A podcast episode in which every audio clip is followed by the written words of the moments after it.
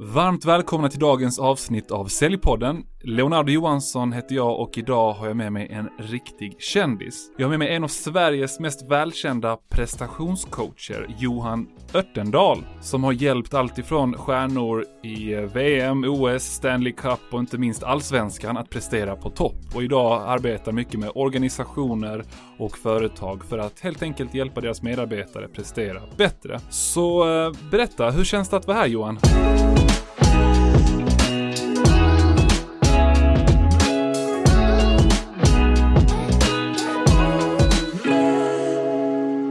Ja, det är spännande och en fin presentation jag fick. Ja, absolut. Jag hade övat på den hela kvällen igår. ja, tack. Du, berätta för de som inte känner dig. Vem är Johan? Eh, jag är en eh, gubbe, får man ju säga när man är från Göteborg, som, eh, som gillar utmaningar, gillar att utvecklas, eh, brinner för nya idéer och egentligen älskar när andra utvecklas. Det är väl egentligen det som är det roliga. Ja, ja. Och se att andra växer. Och ditt intresse för det här att se andra växa, när väcktes det i ditt liv? Det är en svår fråga men jag, jag tror nog egentligen att titta tillbaka att eh, har haft det med mig ganska länge. Jag har alltid hållit på med idrott och lagidrott. Mm. Och där tyckte jag alltid det var kul när laget vann och man såg att vi gjorde det bättre och när vi gjorde det tillsammans så, så där fanns det nog från början. Mm. Sen pluggade jag nere i Halmstad och där var det väl eh, då jag insåg att det här kan man ju jobba med också. Där finns ju till och med andra som har tänkt innan mig hur man kan göra på riktigt. Precis. Och vad, när man pratar om det här med, med idrott, alltså du har ju en väldigt, du har en gedigen bakgrund eh, när det kommer till just att hjälpa idrottsstjärnor att prestera bättre. Vad finns det för koppling med säljare? För du har också hjälpt en hel del säljare att prestera bättre. Jag har både hjälpt säljare och jag har jobbat med försäljning själv i flera år och mm. egentligen är det väldigt mycket likheter tycker jag. Det handlar någonstans om att eh, jobba mot uppsatta mål, få saker och ting att hända. Eh, man möter mycket motstånd. Alltså det är ett hårt jobb någonstans. Det tror jag man glömmer ibland. Många tror att sälj är någon slags köta mest och lite glättigt och lite sådär. Men för mig handlar det väldigt mycket om hårt jobb och jobba mot eh, någonting. Och det är egentligen eh, mål och det är exakt samma idrotten. Det är samma där. Många tror ju att de här världsstjärnorna, de har ju bara haft det, de har bara fått det. Men de har ju jobbat stenhårt mm. och jäkla massa motstånd på vägen. Ja, och, och, jag tänker på det när du pratar om motstånd. Det finns ju såklart väldigt mycket motstånd som man stöter på inom sälj, inom idrotten när man ska ta sig till toppen. Men det finns också väldigt mycket motstånd som jag tror att du har stött på i din resa mot att hjälpa en individ, en grupp, ett visst företag mot att förändra ett beteende. ja, hur? definitivt. Det är nog bland det svåraste vi kan göra. Ja, faktiskt. Det är också förknippat med massa saker att göra och saker som är jobbigt och mm. ibland till och med erkänna att det jag gjort innan, det är inte så bra. Nej, precis. Och eh, det är det sista vi vill erkänna för oss själva. Ja, och jag, och jag tänker så här, alltså jag har ju själv varit på företag där det har varit jätteutmaningar med att få medarbetarna att, ja, men som jag sa, förändra beteende, börja till exempel nykundsbearbeta eller liknande. Du har ju också jobbat, om inte jag missminner mig här, med hantverkare för att få dem att bli ja, men lite mer kundfokuserad och jobba mer med sälj om man får uttrycka sig på det sättet. Finns det några speciella ingredienser där? Jag vet att du kan säkert prata om det här hela dagen med vad ja. du gjorde för dem, men finns det någon steg för steg modell eller några, några saker man, man behöver tänka på i början av en sån process? Det som jag tycker är mest framgångsrikt, det är någonstans, dels måste jag hitta dem eh, där de är och hur de tänker idag liksom. Var, varför gör de som de gör? Och sen eh, måste jag ju sälja in någonstans eh, konceptet att eh, man kan göra på ett annat sätt och då blir det faktiskt både enklare för er att arbeta och också roligare. Mm. Och där handlar det väldigt mycket i deras fall där de, jag uttrycker mig krasst, där de var ganska dåliga. Det var ju att förstå vem är det som betalar min lön? Mm. Det var ju steg ett någonstans. Och bara det var ju liksom en införsäljning att, för det hade man inte riktigt tänkt på. Ja. Utan pengarna kommer in på kontot någonstans. Ja men precis. Och jag har också varit med om scenarios där jag har försökt stötta till och med någon som är anställd som en renodlad säljare. Säger att de ska göra vissa saker, vissa förändringar. Man kämpar och kämpar och sliter som ledare. Du skrattar ja. lite för att du ja. känner igen ja, dig i det. Eh, alltså, finns det någon lösning för den typen av personer eller måste de ha någon typ av vilja att förändras? Eh, eller skapar du den viljan att förändras? Det är nog både och. Alltså finns det ingen som helst vilja att förändras då mm. tror jag man ska lägga ner och så här. Men jag, jag, tror att alltid att det finns men jag tror att det finns massa rädslor för det och det är det man måste överbrygga någonstans och ta reda på varför vågar du inte ta steget? Mm. Uh, vi hamnar ju alla där ibland att det är lättare att göra som vi alltid har gjort eller jag gör som de andra eller vad det nu kan handla om. Just För det är ju tuffare att gå den egna vägen än att eh, hänga på. Mm. Även om det är ett halvdant resultat så är det i alla fall ett resultat.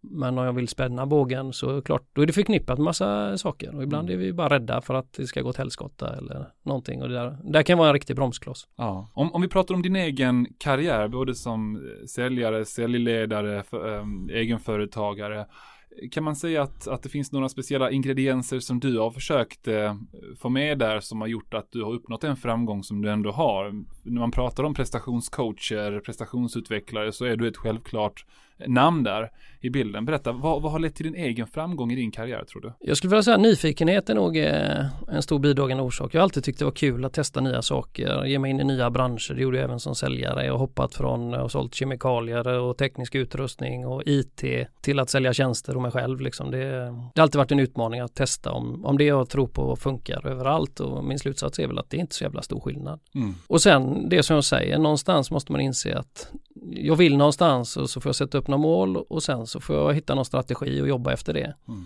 Och så försöka göra det eh, över tid, inte bara testa en gång utan eh, köra. Ja, precis. Och det är väl samma eh, med de duktiga säljarna upplever jag att de är ofta duktiga på det. Det är inte alltid att man märker att de är det men de har det. Kanske inte alltid att de är bäst på CRM-system och annat men de har väldigt tydligt vad de vill och de är inte rädda för att göra jobbet och de är också ganska tydliga med vilka kunder de vill ha till exempel och så, och så jobbar de mot dem. Och jag, och jag, tänker på eh, när jag själv är ute och utbildar om försäljning. Det, det, är nästan så att vissa föreläsningar jag håller i är som en bra påminnelse för mig själv om vad jag bör göra. Ja. Du vet att försöka leva som man, som man lär. Ja. Hur mycket jobbar du själv med metoderna? Och nu kan du kanske inte säga något annat än att du gör väldigt mycket. Men, men om du ska vara helt transparent här. Hur mycket jobbar du själv med metoderna du förespråkar för att bli starkare mentalt? Att, att, att liksom nå sina mål, sätta upp mål och, och så vidare. Berätta. Nej men det gör man fast jag är ju som alla andra jag försöker ju gena i kurvan också ibland. Eh, ofta blir det fel eh, och så får man backa tillbaka. Men jag, jag, för, jag, försöker så gott det går att vara rätt målfokuserad och bestämma mig vad jag vill göra och vad är nästa steg och sådär. Sen mm. eh, återigen, jag slarvar precis som alla andra. Mm. Men jag har väl fördelen kanske att jag har lättare att ta mig tillbaka för jag vet vad jag har slarvat med. Mm. Och sen också det här med, det finns ju massa motstånd som jag också har naturligtvis, saker som jag tycker är mindre roligt eller som jag är rädd för. Mm. Och då får man ju jobba med det. Mm. Och jag vet lite vad jag ska jobba med. Ja, ja, jag förstår. Och alltså, ibland är det så när man pratar om prestationscoacher, eh, alltså man, man, brukar, eller vissa som jag pratar med, har lite så här, lite skeptiska till ja. en prestationscoach. Har du också stött på det? Ja, och ja. definitivt när jag började för uh, runt 20 år sedan. Mm, då, uh, då, var man ju väldigt konstig och det fanns ju inte egentligen. Uh, så det var en införsäljning som hette duga, liksom att bara tala om vad man var, vad man kunde tillföra och sådär. Ja. För det fanns ju inget. Jag har ett exempel på en stor kund som tyckte att det där skiter vi i. För eh, vi har kommit så långt att vi har, vi satsar på de som har det. Mm. Och så kör vi på det och då sa jag att då är det nog bäst att ni fortsätter med det. Jag tror ja. inte att det är rätt väg men gör ni det för då behöver ni inte mig. Just det. För nu jobbar ni med att hitta rätt personer och hoppas att de har det. Ja. Istället för att utveckla de ni har eh, och faktiskt också se vad finns det för potential att utveckla de som finns. Ja. Du, det finns en, eh, en bok som heter First Break All the Rules som du kanske inte har läst, men den är skriven av, om inte jag missminner mig här, forskare som jobbar på Gallup. Gallup är mm. ju ett av världens största liksom, företag när det kommer till olika typer av analyser och liknande. Och vad de säger där, det var, det var hundratusentals medarbetare på olika företag över hela världen som hade då eh, analyserats i den här studien. Och vad det visade sig det är att när man satsar på medarbetare som redan presterar bra jämfört med dem som inte presterar lika bra då brukar resultatet bli ännu bättre. Alltså att många har den här förutfattade meningen att men, vi ska satsa på de som inte presterar tillräckligt bra idag istället för de eh, Alltså de andra sköter ju sig själv ganska bra. Ja. Alltså, skulle du liksom kunna generalisera och hålla med om den här erfarenheten, reflektionen eller, eller håller du inte med och vill utmana den? Nej, jag skulle säga jag håller helt med. Jag, jag mm, förespråkar det själv oavsett eh, vilka grupper man jobbar för det är så lätt att fo fokusera på de här, säg 20 procenten som inte levererar eller som inte gör det som vi ska och så lägger man all kraft där. Och gör man det så får man tyvärr eh, kanske 30 procent som inte gör det sen. För det är de som får alla uppmärksamhet. Mm. Om du vänder på det och jobbar med de som faktiskt gör det som de ska och gör bra saker så kommer de andra åka med. Mm. Och de som inte fattar det eh, har ju lite problem för de blir ju de blir utanför istället och det är ju något som vi inte vill vara. Så jag, jag tycker inte alls det låter konstigt utan Mm. satsa på dem som, som redan är bra för då kan du få spetskompetens och du kan ju också få ledare som driver framåt någonstans. Sen ska man inte glömma de andra men eh, Mm.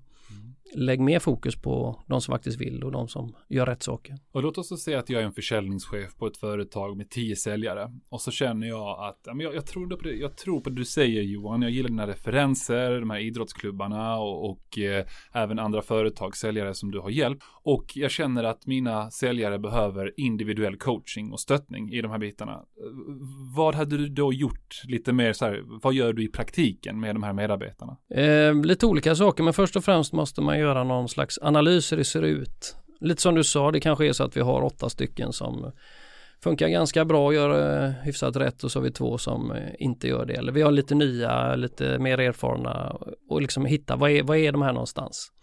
Och utifrån det då sätta upp lite olika små saker som vi tror ska göras, egentligen eh, sätta lite mål och sen börja arbeta med de sakerna som, som är aktuella då. Mm. Och det kan ju vara, det kan vara allt möjligt liksom. Det kan vara rent hands-on, hur gör man en behovsanalys till eh, vad har vi för rädslor här som vi inte kommer över när vi ska, till exempel vågar vi inte gå på de här stora kontona eller vågar vi inte kontakta ledningsgruppen eller de här beslutsfattarna. Eh, det kan se helt olika ut naturligtvis, Mm, beroende på vad vi kommer fram till. Precis.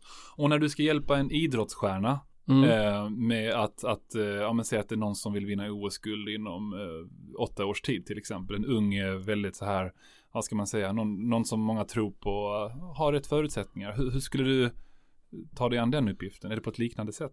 Ja, det är väldigt lika egentligen, för där brukar man ju eh, samma där, kolla vad finns det styrkesvagheter, vad vill den här personen eh, och också ta reda på vad är den beredd att lägga ner för det är ju, det är ju där det hamnar i slutändan. Mm. Jag tror att alla, jag brukar ta mig själv som exempel, jag skulle jättegärna vilja bli fotbollsproffs men jag orkar inte. Eh, För jag inser hur jädra mycket jobb det är. Eh, och det erkände jag ju ganska sent för mig själv men eh, det är ju den bistra sanningen. för det är massa slit. Eh, så det måste man också ta reda på. Eh, är de lite yngre ska man inte skrämma dem naturligtvis men man måste på något sätt lyfta det. Och i det kan man ofta sätta lite delmål på vägen. Alltså vad vill du bli bättre på? Vad behöver du utveckla? Och på så sätt så, så blir det inte så stort. Sen kan det här proffsdrömmen eller OS-guldet eller vad det nu är kan ju vara en vision som de kan jobba efter. Som kan driva dem framåt. Men Mm. Säga direkt att det tar åtta år och du ska träna varje dag sju, sex, sex, sju timmar och du får offra en massa saker. Då kan ju många tycka att nej, det är inte värt det. Nej, precis. Och då får man ju bryta ner det lite mindre saker. Ja, men precis. Och eh, handlar det mycket om att hjälpa dem sätta upp mål kring delar som du kanske inte är en expert på egentligen. Eh, och inte bara saker som handlar om din expertis som Ja. det här mentala träningen, de här bitarna. Ja, Okej, så det handlar om ja. liksom helhetsbilden. Så, Ja, jag är väldigt mycket för helhet överhuvudtaget för det är ju Alltså vi är ju människor i, i grund och botten och det är, det är alltid en helhet det handlar om. Det kan vara ta säljaren eller idrottsmannen eller kvinnan för den delen. Det kan vara saker runt omkring som gör att det här blir svårt. Då kan ju det vara en grej som gör att ja, men då kanske vi ska hitta ett sätt, en strategi att lägga undan det. Mm. Eller få någon annan att göra det eller få min omgivning att förstå att jag måste lägga de här timmarna. Mm. För det vet man ju i, det är många arbetsgivare som brottas med att det är problem där hemma. Till exempel en säljare ska vara borta mycket. Och så har den inte full accept hemifrån. Och så är det egentligen orsaken. Och så håller man på att jobba med allting annat. Eh, Då är det bättre att titta, kan vi hitta lösningar på det? Kan den här personen få en bättre tillvaro i, i något annat? Mm. Och så, så har man undanröjt ett problem. Ja, och man vet ju själv när man har sovit gott, man har en eh, bra dialog på morgonen med sin fru, man kanske pussar sin, sin dotter på pannan när hon ska in på, på förskolan. Ja. Så det blir en helt annan dag än när man bara måste stressa igenom allting och inte Ja. ha möjligheten att ha den proaktiviteten. Ja, och jobbar vi då med andra människor så känner ju andra människor det Ja, direkt. faktiskt. Är du stressad, är du orolig, är du eh, Mm. rädd eller är du glad, eh, passionerad? Det är ju klart en jädra skillnad. Ja men precis. Du det här med prestation, hur mycket skulle du säga är, är medfött jämfört med intränat om man får generalisera kring de som är världsstjärnor som du har arbetat? Ja, det är jättesvårt att säga för ehm, jag- vet egentligen inte om man, man kan skapa det och för mig är det det som är mest intressant. För vi har ju, jag är inte så naiv att jag tror att allting går att, jag tror inte att alla kan bli världsstjärnor. Eh, men jag tror att alla kan bli väldigt mycket bättre än de själva tror. Och jag tror att generna spelar roll naturligtvis. Eh, jag kan inte genforskning men jag tror att vi kommer lära oss mer och då kommer vi säkert se att en hel del är nedärvt någonstans. Men jag tror att utifrån de förutsättningarna vi har så kan vi bli jäkligt bra. Mm. Och jag tror att den största bromsen är vi själva. Mm. Vi sätter gränser alldeles för tidigt. Och det, det, finns så många exempel på det, eller hur Johan? Alltså när ja. någon till exempel har sprungit, eh, vad var det, maraton på under, eh, eller så i flera års tid, så hade man inte lyckats eh, slå en viss eh, tid när det ja. kom till ett maratonlopp. Och sen så var det någon som slog det och året efter var det typ, jag vet inte vad det var, sju eller tio pers som slog ja. det. Det är så här mentala hinder bara. Ja, det finns en sån klassiker, Bannister-effekten heter den, nu engelska milen under fyra minuter. Var helt omöjligt. Innan han, Roger Bannister, gjorde det då. Och veckan efter så tror jag det var sju, åtta stycken som eh, gjorde det, som aldrig hade gjort det innan. Nej, gud vad häftigt. Och det ser vi överallt egentligen, eh, allt från innovationer, helt plötsligt så är det ju inte så konstigt längre att vi gör det och det. Nej. Eller att eh, den här personen som kanske inte trodde att den var så duktig helt plötsligt fick ett kvitto på att det var jag, så helt plötsligt så lossnar allting. Ja. Och det är ingen slump utan helt plötsligt så börjar vi göra saker och vi bara tror på det. Och vi vågar, det är ofta det det handlar om. Ja, jag minns tillbaka till när jag var 23 år gammal och var på gymmet och skulle få Sveriges största bröstmuskler. Skämt åsido, så, så, så var jag där och så bad jag en kompis bara liksom slänga på massa vikter. Jag skulle maxa då bänkpressen. Eh, och så gjorde han fel utan att han visste om det och jag märkte inte av det själv. Så att han slängde på 135 kilo när jag egentligen skulle ha 115 kilo. Jag har inte gjort det, jag har inte tagit mer än 115 kilo. Och så tar jag de här 135 två gånger och så lägger jag tillbaka vikten. Jag bara, jag kändes lite tyngre idag än vanligt liksom. Ja.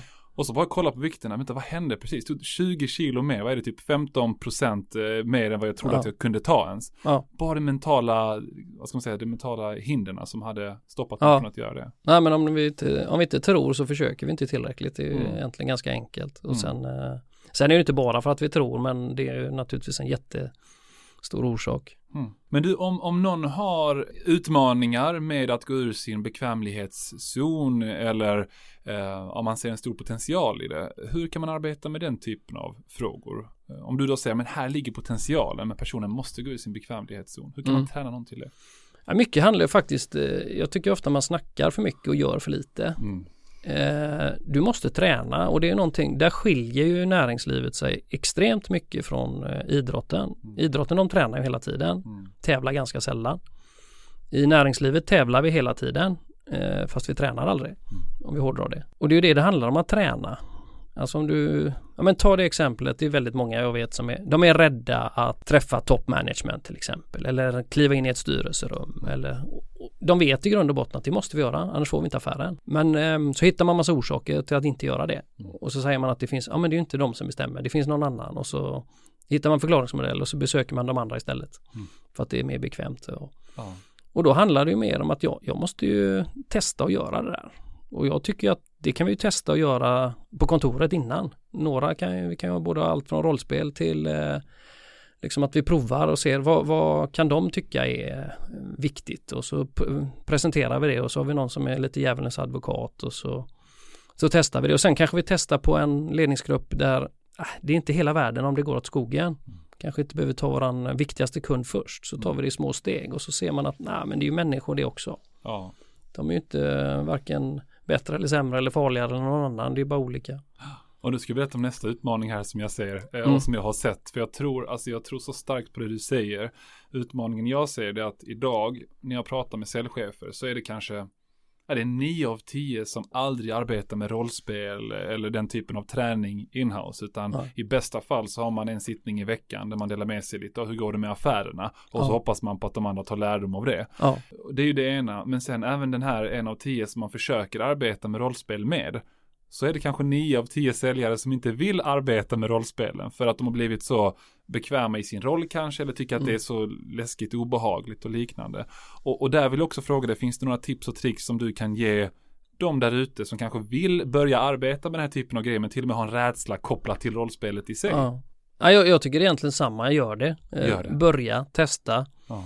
Börja i mindre skala då om det är jobbigt. Eh, och sen måste man ju fråga sig om jag inte om jag inte gör det jag ska där ute, hur fasen ska jag då mm. komma dit? Och då är ett sätt att träna. Ja. Alltså det är ju, ta liknelsen med idrotten igen, ett, ett fotboll, hockeylag, handbollslag som ska möta en motståndare på lördag. Mm. Den tränar hela veckan Och eh, då är några av spelarna, de som inte ska spela från start, de är ju motståndare. Och så tränar man på det. Hur ska vi lösa den här uppgiften? För de spelar si och så. Det är ju samma här. Här har vi ett eh, en styrelse, de har troligtvis de här eh, frågeställningarna, de här och så sätter vi upp det och så gör vi det så trovärdigt vi kan. Mm. Och, det, och det, eh, det jag vill säga med det, jag tycker nästan synd, eller jag tycker verkligen synd om säljare där ute som byter jobb oavsett om de är liksom, det är ett nytt första jobb de har eller att det här är någon erfaren som byter jobb till en ny bransch eller liknande. För man får inte den träning man behöver, de här Nej. rollspelen man behöver för att kunna prestera ute på fältet. Jag har en kollega till mig som, som var jätteduktig säljare på ett företag som bytte jobb eh, och han bytte då från profilbranschen till it-branschen. Och eftersom han inte får den träning som han verkligen eh, behöver, alltså det går månad efter månad där han bara har prestationsångest, han får inte mm. den hjälpen han behöver. Så att fler företag, det borde vara en naturlig del av deras onboarding, eller hur? Att ja, och där kan jag säga, där går det ofta snett. Man kan få in jättebra människor. Om jag tar det här skräckexemplet som jag berättade från början, de som tar in rätt människor. Men gör de rätt med dem när de kommer. Mm. För det är inte så att, ja, hittar du någon som kan allt, vet allt, då kommer du få betala rätt så bra för den och den försvinner kanske sen. Mm. Men eh, du kan göra så mycket. Ofta gör man ju någon slags introduktion och man får produktgenomgång eller pratar om företaget och sådär men det är ju det enkla. Mm. Och det andra är ju hela tiden eh, nya saker man behöver lära sig. Och det är väl också något man ser på bra säljare. De, de struntar ju vilken organisation de är för de ser ju till att få den träningen i alla fall. De mm. tränar på andra och de lär sig och analyserar sina kundbesök och allting. Dagens huvudsponsor är ingen mindre än Mindit, the House of Sales. Mindit är specialister på säljutveckling och säljutbildning inom business to business försäljning. Och de erbjuder anpassade upplägg och öppna kurser för både säljare och säljchefer. Så blir du nyfiken på Mindit, spana in deras hemsida för mer information, mindit.se. Du, jag har en personlig story, nu ska jag inte berätta hela den storyn, men jag har varit, eller försökt vara en toppresterare inom sälj, både som säljare och säljchef under hela min karriär som är över 15 år eh, lång. Men jag stötte ganska tidigt på det här klassiska hålla på och gå in i väggen syndromet på grund av prestationsångest. Mm. Alltså att man sätter så höga krav och ställer så höga krav på sig själv att om man inte lever upp till dem någon månad eller ett par månader i rad, då känns det som att hela vägen, hela världen raserar. Mm. Är det någonting som du ofta stöter på när ja. det kommer till, ja det är det, ja. Speciellt när det kommer till de här som verkligen är toppresterare. Ja, nej, men det, ja. det är ju där det händer. Ja, precis. Ja, ja precis. Se sig själv lite grann. Hur kan man proaktivt arbeta för att undvika en sån situation? Man börjar med det ehm, proaktiva. Det finns ganska mycket att göra. Om man jobbar med toppresterare så är prestationsångest, det är som ett brev på posten. Eller eh, brev på posten kanske inte är längre, men för det kommer inte så ofta där. Mm. Men eh, alltså det, du får det på köpet ofta, för det, den här kravbilden är ofta, den kan ju vara positiv någonstans, för den driver dig ju. Fast tyvärr är ju den ganska ångestladdad. Det jag har upptäckt och det jag har jobbat eh, med framgång är att vi måste skilja på vad är kraven, alltså vad måste vi göra? För lyckas vi inte nå upp till kraven då känner vi oss inte speciellt bra, alltså då är vi inte ens okej. Okay. Och i värsta fall har vi bankat ihop massa andra saker också, att vi, vi är vårat jobb, vi är våran titel, vi är liksom vi är säljare i det fallet eller vi är chef eller det är hela vår identitet. Mm. Och det är mm. klart, misslyckas jag med den då rasar hela jag. Mm. Medans målen då egentligen, det är vad jag vill. Och de kan vara hur höga som helst. Och jag tycker man ska ha höga mål. Eh, rent krasst, man ska inte nå sina mål speciellt ofta tycker jag, utan då är de ofta lite fega. Utan sätt höga mål, men håll ner kraven. Och med det menar jag krav, det är ju egentligen sånt som du måste göra. Så då ska du se till att vara förberedd till exempel, det kan du alltid vara. Du ska eh, ha läst på, du har gjort dina, din hemläxa någonstans, du ska vara förberedd där ute. Men du ska också se till att ha skapat förutsättningar, ja, som vi var inne på innan, eh, rent krasst mänskligt. Se till att sova ordentligt, äta ordentligt, alltså så att du har förutsättningar att göra ett bra jobb. Och sen också planering och sådana saker, det, det är krav du kan ha på dig själv, att det kan du alltid göra. Sen om du lyckas eller inte, det kan du inte ha som krav. Och speciellt inte i ja, både idrott och sälj, vi är beroende av andra. I slutändan är det kunden som bestämmer. Mm. Och den kan ju välja dig av massa olika anledningar. Du kan ha gjort allt rätt. Men du fick inte affären i alla fall. Och då, ehm, då är det dumt att känna sig misslyckad. Jag gjorde allt jag skulle. Men jag fick inte affären. Jag kan bli förbannad, besviken, ledsen. Eh, ungefär som jag missade den här OS-medaljen. Men har jag gjort allt jag kunde så ska jag ändå vara nöjd. Mm. Och så nästa gång så um, försöker jag det lite bättre och så hittar jag andra infallsvinklar.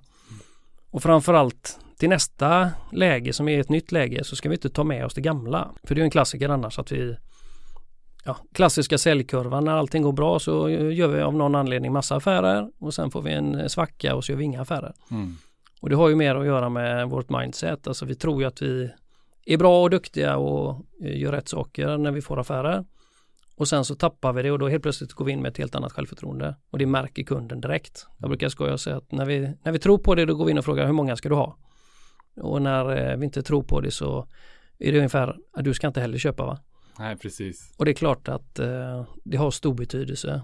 Och därför är det där när vi surfar på vågen, då är det lätt och då funkar det alltid över rätt saker. Ja. Man kan bli så frustrerad när man följer ett fotbollslag så ser man en anfallare som man vet har en så stor potential och gjort bra ifrån sig. Men så har han missat ett par målchanser och sen så bara det håller i sig match efter match efter match. Ja. Och så sitter man här och, och, och är, man, är man lite, vad ska man säga, inte okunnig, men är man lite så här så tänker man Alltså du tjänar ju så många miljoner i veckan. Hur kan du inte ens liksom sätta den målchansen? Men det är inte mm. det det handlar om. Utan Nej. det handlar om att det finns någon typ av mentalspärr där.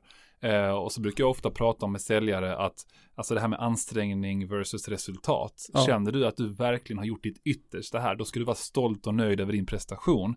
Eh, om resultatet inte kommer, ja men då är det antingen din säljchefs uppgift att hjälpa dig med kvaliteten i vad du gör. Mm. Alternativt så kommer det förr eller senare om du gör rätt saker. Ja. Och det, det är väldigt mycket det som jag tycker man ska jobba med. Alltså, och då kommer man in på vad är det vi gör, alltså det är egentligen det som är prestationen. Mm. Resultatet är ju avhängigt av självklart vår prestation. Men det är inte säkert att det räcker. Mm. För vi har ju konkurrenter, vi har som sagt kunder som, som tar beslut av olika anledningar. Mm.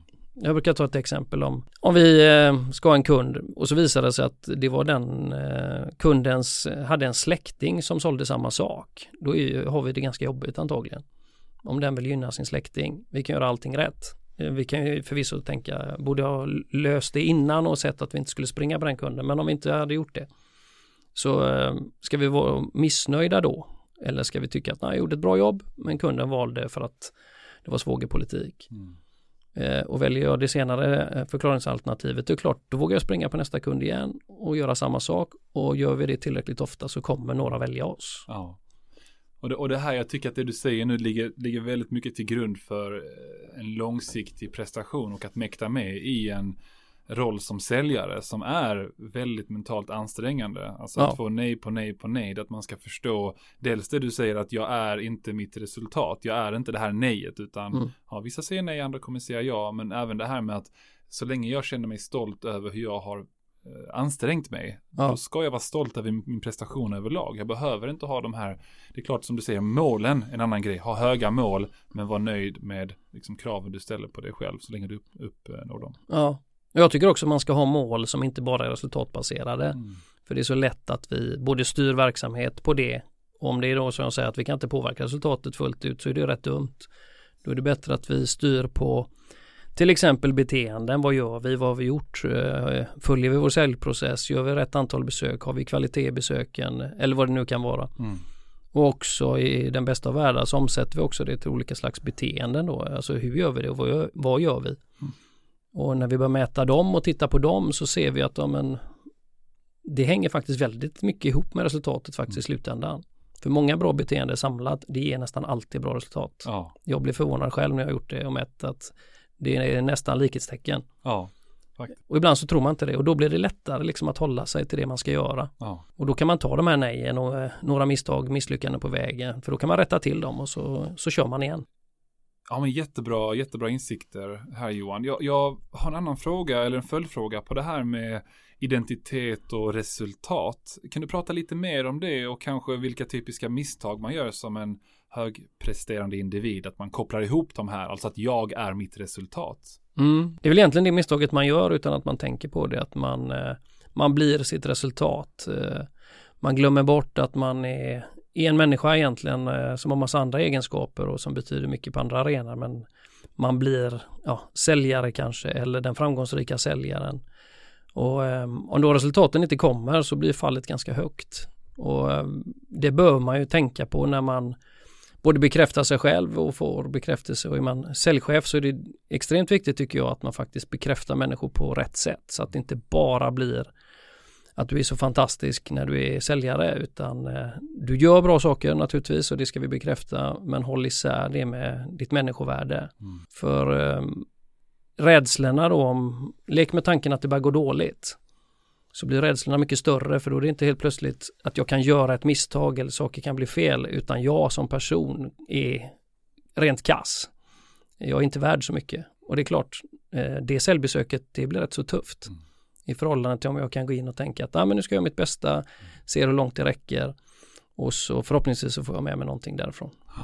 Jag hade en tidigare chef som jag hade en diskussion med när jag var lite yngre och han tyckte att om inte du mår riktigt dåligt när du förlorar en affär då kommer du förmodligen inte må jättebra heller när du vinner en affär. Och jag ville argumentera emot honom lite grann och säga men det är klart att den första känslan när man förlorar affären den är ju alltid dålig för mm. de flesta i alla fall. Men att snabbt kunna hitta sätt att bearbeta den förlusten om man säger ja. så och komma vidare till nästa utan att liksom sitta där och lida i några veckor som eh, kommer få ditt arbete som säljare att bli lidande. Det har varit en nyckel för mig för att kunna mm. hålla en jämn liksom, prestation. Ja. ja, du håller säkert med mig. Ja, jag håller med och det är också eh, en tydlig koppling till idrotten där man hör det många gånger. Det är vinnarskallen som, eh, som är mest förbannad efteråt och mest ledsen och Fast i min värld så är det ingen vinnarskalle utan det är ju när du agerar, det är då du visar om du är en vinnarskalle eller inte. Ja. Och lek med tanken att du ska tio minuter senare eller en halvtimme senare ska in till någon annan kund och ha med dig allt det där, då gör du inget bra jobb. Mm.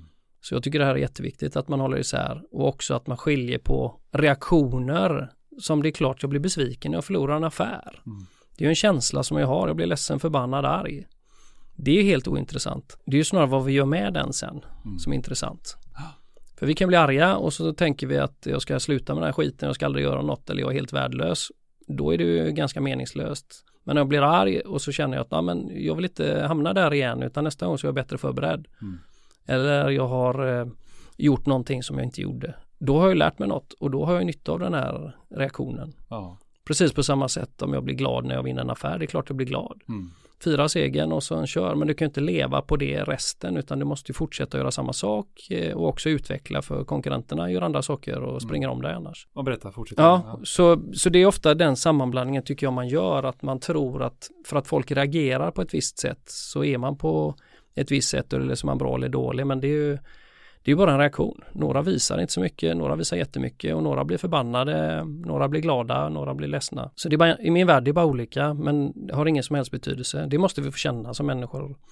De här olika känslorna, det kan vi inte stoppa undan. Mm. Har du hört talas om det här med att byta eller förändra föreställning eller föreställningar? Ja, det beror på vad du menar. Ja men precis, ja. jag ska försöka förklara det. Jag var, som berättade tidigare, jag var en riktig low när jag inte presterade så bra ett par månader i rad för, ja, kan det vara 13 år sedan kanske. Och jag hittade sån här papper för bara ett par veckor sedan där jag hade graderat mig själv om hur bra jag mådde och hur bra jag sov och allt. Ja, det var ju mm. katastrof alltså. Ja. Man kan känna knappt igen sig. Och då sa jag, jag måste ta tag i detta och då gick jag till en ja, livscoach som jag då tyckte var superflummigt egentligen. Mm. Och så fick jag ett papper på en övning som var fyra eller fem steg. Och det handlar om att ändra föreställning. Så min föreställning var alltså att min prestation är lika med mitt värde ja. eller mitt välmående. Ja. Men att jag skulle hitta en ny föreställning som egentligen talade emot denna. Som ja. mer handlar om att min hälsa, min mentala och fysiska hälsa, det är det som skapar en bra prestation för att då mår jag bättre. Så att jag skulle ändra en föreställning. Och det sjuka var här att nu kommer jag inte ihåg exakt hur det var, men när jag gick igenom det här pappret med att förändra föreställningar, det tog mig bara ett par dagars tid. Ni hade repeterat det fem gånger för mig själv varje dag där jag hade liksom fått en livslång prestationsångest att i princip tappa sitt värde. Mm. Det, var, det var en sån sjuk känsla, det kändes som, som, som någon hade liksom hypnotiserat mig, men jag hypnotiserade mm. mig själv på ett par mm. dagars tid. Och det finns säkert andra typer av övningar du har varit med om där man kan hjälpa en person att ta bort den här känslan att min identitet eh, är kopplad till mitt resultat. Ja, Nej men det, jag brukar kalla det, vi har alltid massa gamla sanningar som ligger där ja. någonstans. Som vi tror att det hänger ihop. Om jag gör det och det så blir det si eller så. Eller jag är sån därför att och en massa sådana saker. Även det har vi om andra människor också. Mm. Och de eh, ställer ju till det många gånger för det är till exempel att om vi en vald sanning är att om jag har gjort ett bra kundbesök eller en bra prestation så är det samma sak som att jag kommer göra en till. Fast det finns egentligen ingenting som säger att det är så. Mm. Men agerar vi utifrån det så ökar sannolikheten. Precis på samma sätt om, om vi tänker att ja, men den här kunden är stökig, jobbig, besvärlig så kommer vi agera utifrån det. Istället för att säga att ja, men nu är det ett nytt läge, nu går jag in och så gör jag det jag ska. Jag är naturligtvis förberedd och jag har gått igenom olika scenarion. Men eh, utifrån det så är jag ganska blank. Och det gäller att hela tiden ställa om och det är det det handlar om och gör man eh, mycket saker under samma dag så är det ju massa saker som är helt olika. Mm. Men risken är att vi drar allt under samma slutsats någonstans. Antingen är det bra eller dåligt, svart eller vitt. Mm. Och mycket av mitt jobb handlar om att dra isär det här. Alltså stor del är ju att faktiskt utvärdera sig själv. Se vad, vad gjorde jag och vad gjorde jag inte? Vad, vad beror det på? Eh, det berodde inte på att jag har det eller jag har det inte utan det beror på massa saker jag gör egentligen. Mm. Och då helt plötsligt då får du kontroll på tillvaron. Ja. För ibland kommer det till slutsatsen att nej, det var utanför min kontroll, jag kunde inte göra något annat. Fine, släpp det. Medan om du kommer fram till att jag kunde gjort massa saker annorlunda. Ja men då får du se till att göra det nästa gång. Ja. Det som är gjort är redan gjort. Du ja. kanske kan rätta till det genom att uh, ringa igen eller besöka igen eller mm. Men risken är att ja, men det, det är gjort. Men nästa gång så ska jag något annat. Och då kommer vi till nästa utmaning. Det är att säljare inte ens lägger tid på att analysera sig själva Nej. i sina möten, i sina samtal. Utan det är också någonting som är för läskigt att göra. Så ja. Det finns massa grejer som både du och jag kan göra för, för människor där ute, höll jag på att säga. Övertyga ja. om, om självreflektion. För den här analysen som antingen du gör eller de gör med sig själva. Det är den som ligger till grund för att ja. den ska kunna arbeta vidare på någon för förbättrad prestation. Ja, och gör du inte det så kommer du aldrig lära någonting. Eh, och gör du den fel så kommer du troligtvis eh, dra fel slutsatser och göra fel saker. Mm. Och i värsta fall, eh, och det som ofta händer, är att du tappar självförtroendet. Mm. Framförallt när det går dåligt. Mm. Du, en sista fråga kring det här ämnet. Jag, jag har varit på massa olika föreläsningar från eh, alltifrån världsledande motivations eh, prestationsföreläsare till att jag själv förespråkar vissa grejer inom just ämnet. Men vissa pratar om det här med massive action och andra pratar om att ja, men, ta det lite i taget, börja smått för att då får du självförtroende till att jobba vidare med någonting. Eh, kan man generalisera det och säga att här är en person som vill förändra sitt beteende, vill prestera bättre, du vet vad den ska arbeta på. Handlar det om att liksom försöka baka in små steg i vardagen för den här personen kring det, det som den vill förbättra? Eller handlar det enligt din erfarenhet om att nej men nu kör du all in från dag ett med den här biten för att annars kommer du aldrig igång? Kan man generalisera på något sätt? Ja, jag tror man kan generalisera. Vi, vi är olika individer, men jag, jag, tror att du kan få med båda de här genom att ta det i små steg eh, för att inte göra det så stort, men också faktiskt våga titta. Hur ser det ut när du är framme, någon slags vision eh, och målbild någonstans. För då får du båda, men den andra målbilden, visionen längre fram och så bryter vi ner det i mindre saker som för att nå dit, om det är det du verkligen vill, så tar vi det step by step. Coolt. Och då får vi lite kontroll på det också. Och sen mäter vi det naturligtvis, för det är det vi ofta glömmer. Mm. För vi har ju en tendens att vänja oss vid det nya läget. Ja. Som att det var det normala, fast vi har ju gjort en resa där vi utvecklat en massa saker, så glömmer vi det. Mäta och följa upp, ja. eller hur? Ja. Det, det är A och O någonstans, annars, annars är det nästan ingen idé. Ja, och om det är som i nio fall av tio att du inte har en säljchef som följer upp det som du ska utveckla, tyvärr, mm. så får du ta det ansvaret själv. Ja. Självledarskapet. Ja. Det jag vill fråga dig här eh, Johan, om man vill ta kontakt med dig, varför gör man det och på vilket sätt? Ja, egentligen med det vi pratat om. Om man vill utveckla sig själv och sina förmågor någonstans. Om man tror att eh, man kan göra saker som gör att det blir bättre. Om man vill det, då ska man kontakta mig. Och det cool. kan vara inom vilket område som helst i princip. Johan Örtendal, är det via mail, är det på LinkedIn, är det någon hemsida, vad, vad är lättast tror du? Det är både och, LinkedIn eh, funkar alltid, mm. Eh, där finns jag, eh, jag har två hemsidor, en som är ctmago.se och en omtankenjm.se, det är lite olika inriktningar. Just Ena är mer idrott och den andra är mer näringsliv. Just det. Coolt. Ja, vad bra. Stort tack för att du kunde komma hit idag. Jag vill också tacka vår sponsor Säljarnas Riksförbund som erbjuder allt ifrån inkomstförsäkring till juridisk rådgivning och säljutbildningar till ett värde av över 40 000 kronor för sina medlemmar. Är du nyfiken på säljarnas så gå in på saljarnas.se och läs mer om ett medlemskap. Har du frågor till Johan eller frågor till mig, lägg till oss på LinkedIn, skriv din fråga, du kanske har ett önskemål om vad du vill ha med i podden framåt ta för dig, gå ur din comfort zone som vi har pratat om idag. Jättestort tack Johan för att du kunde vara med idag. Tack själv. Kul att vara här. Ha det gott. Hej. Ha det gott.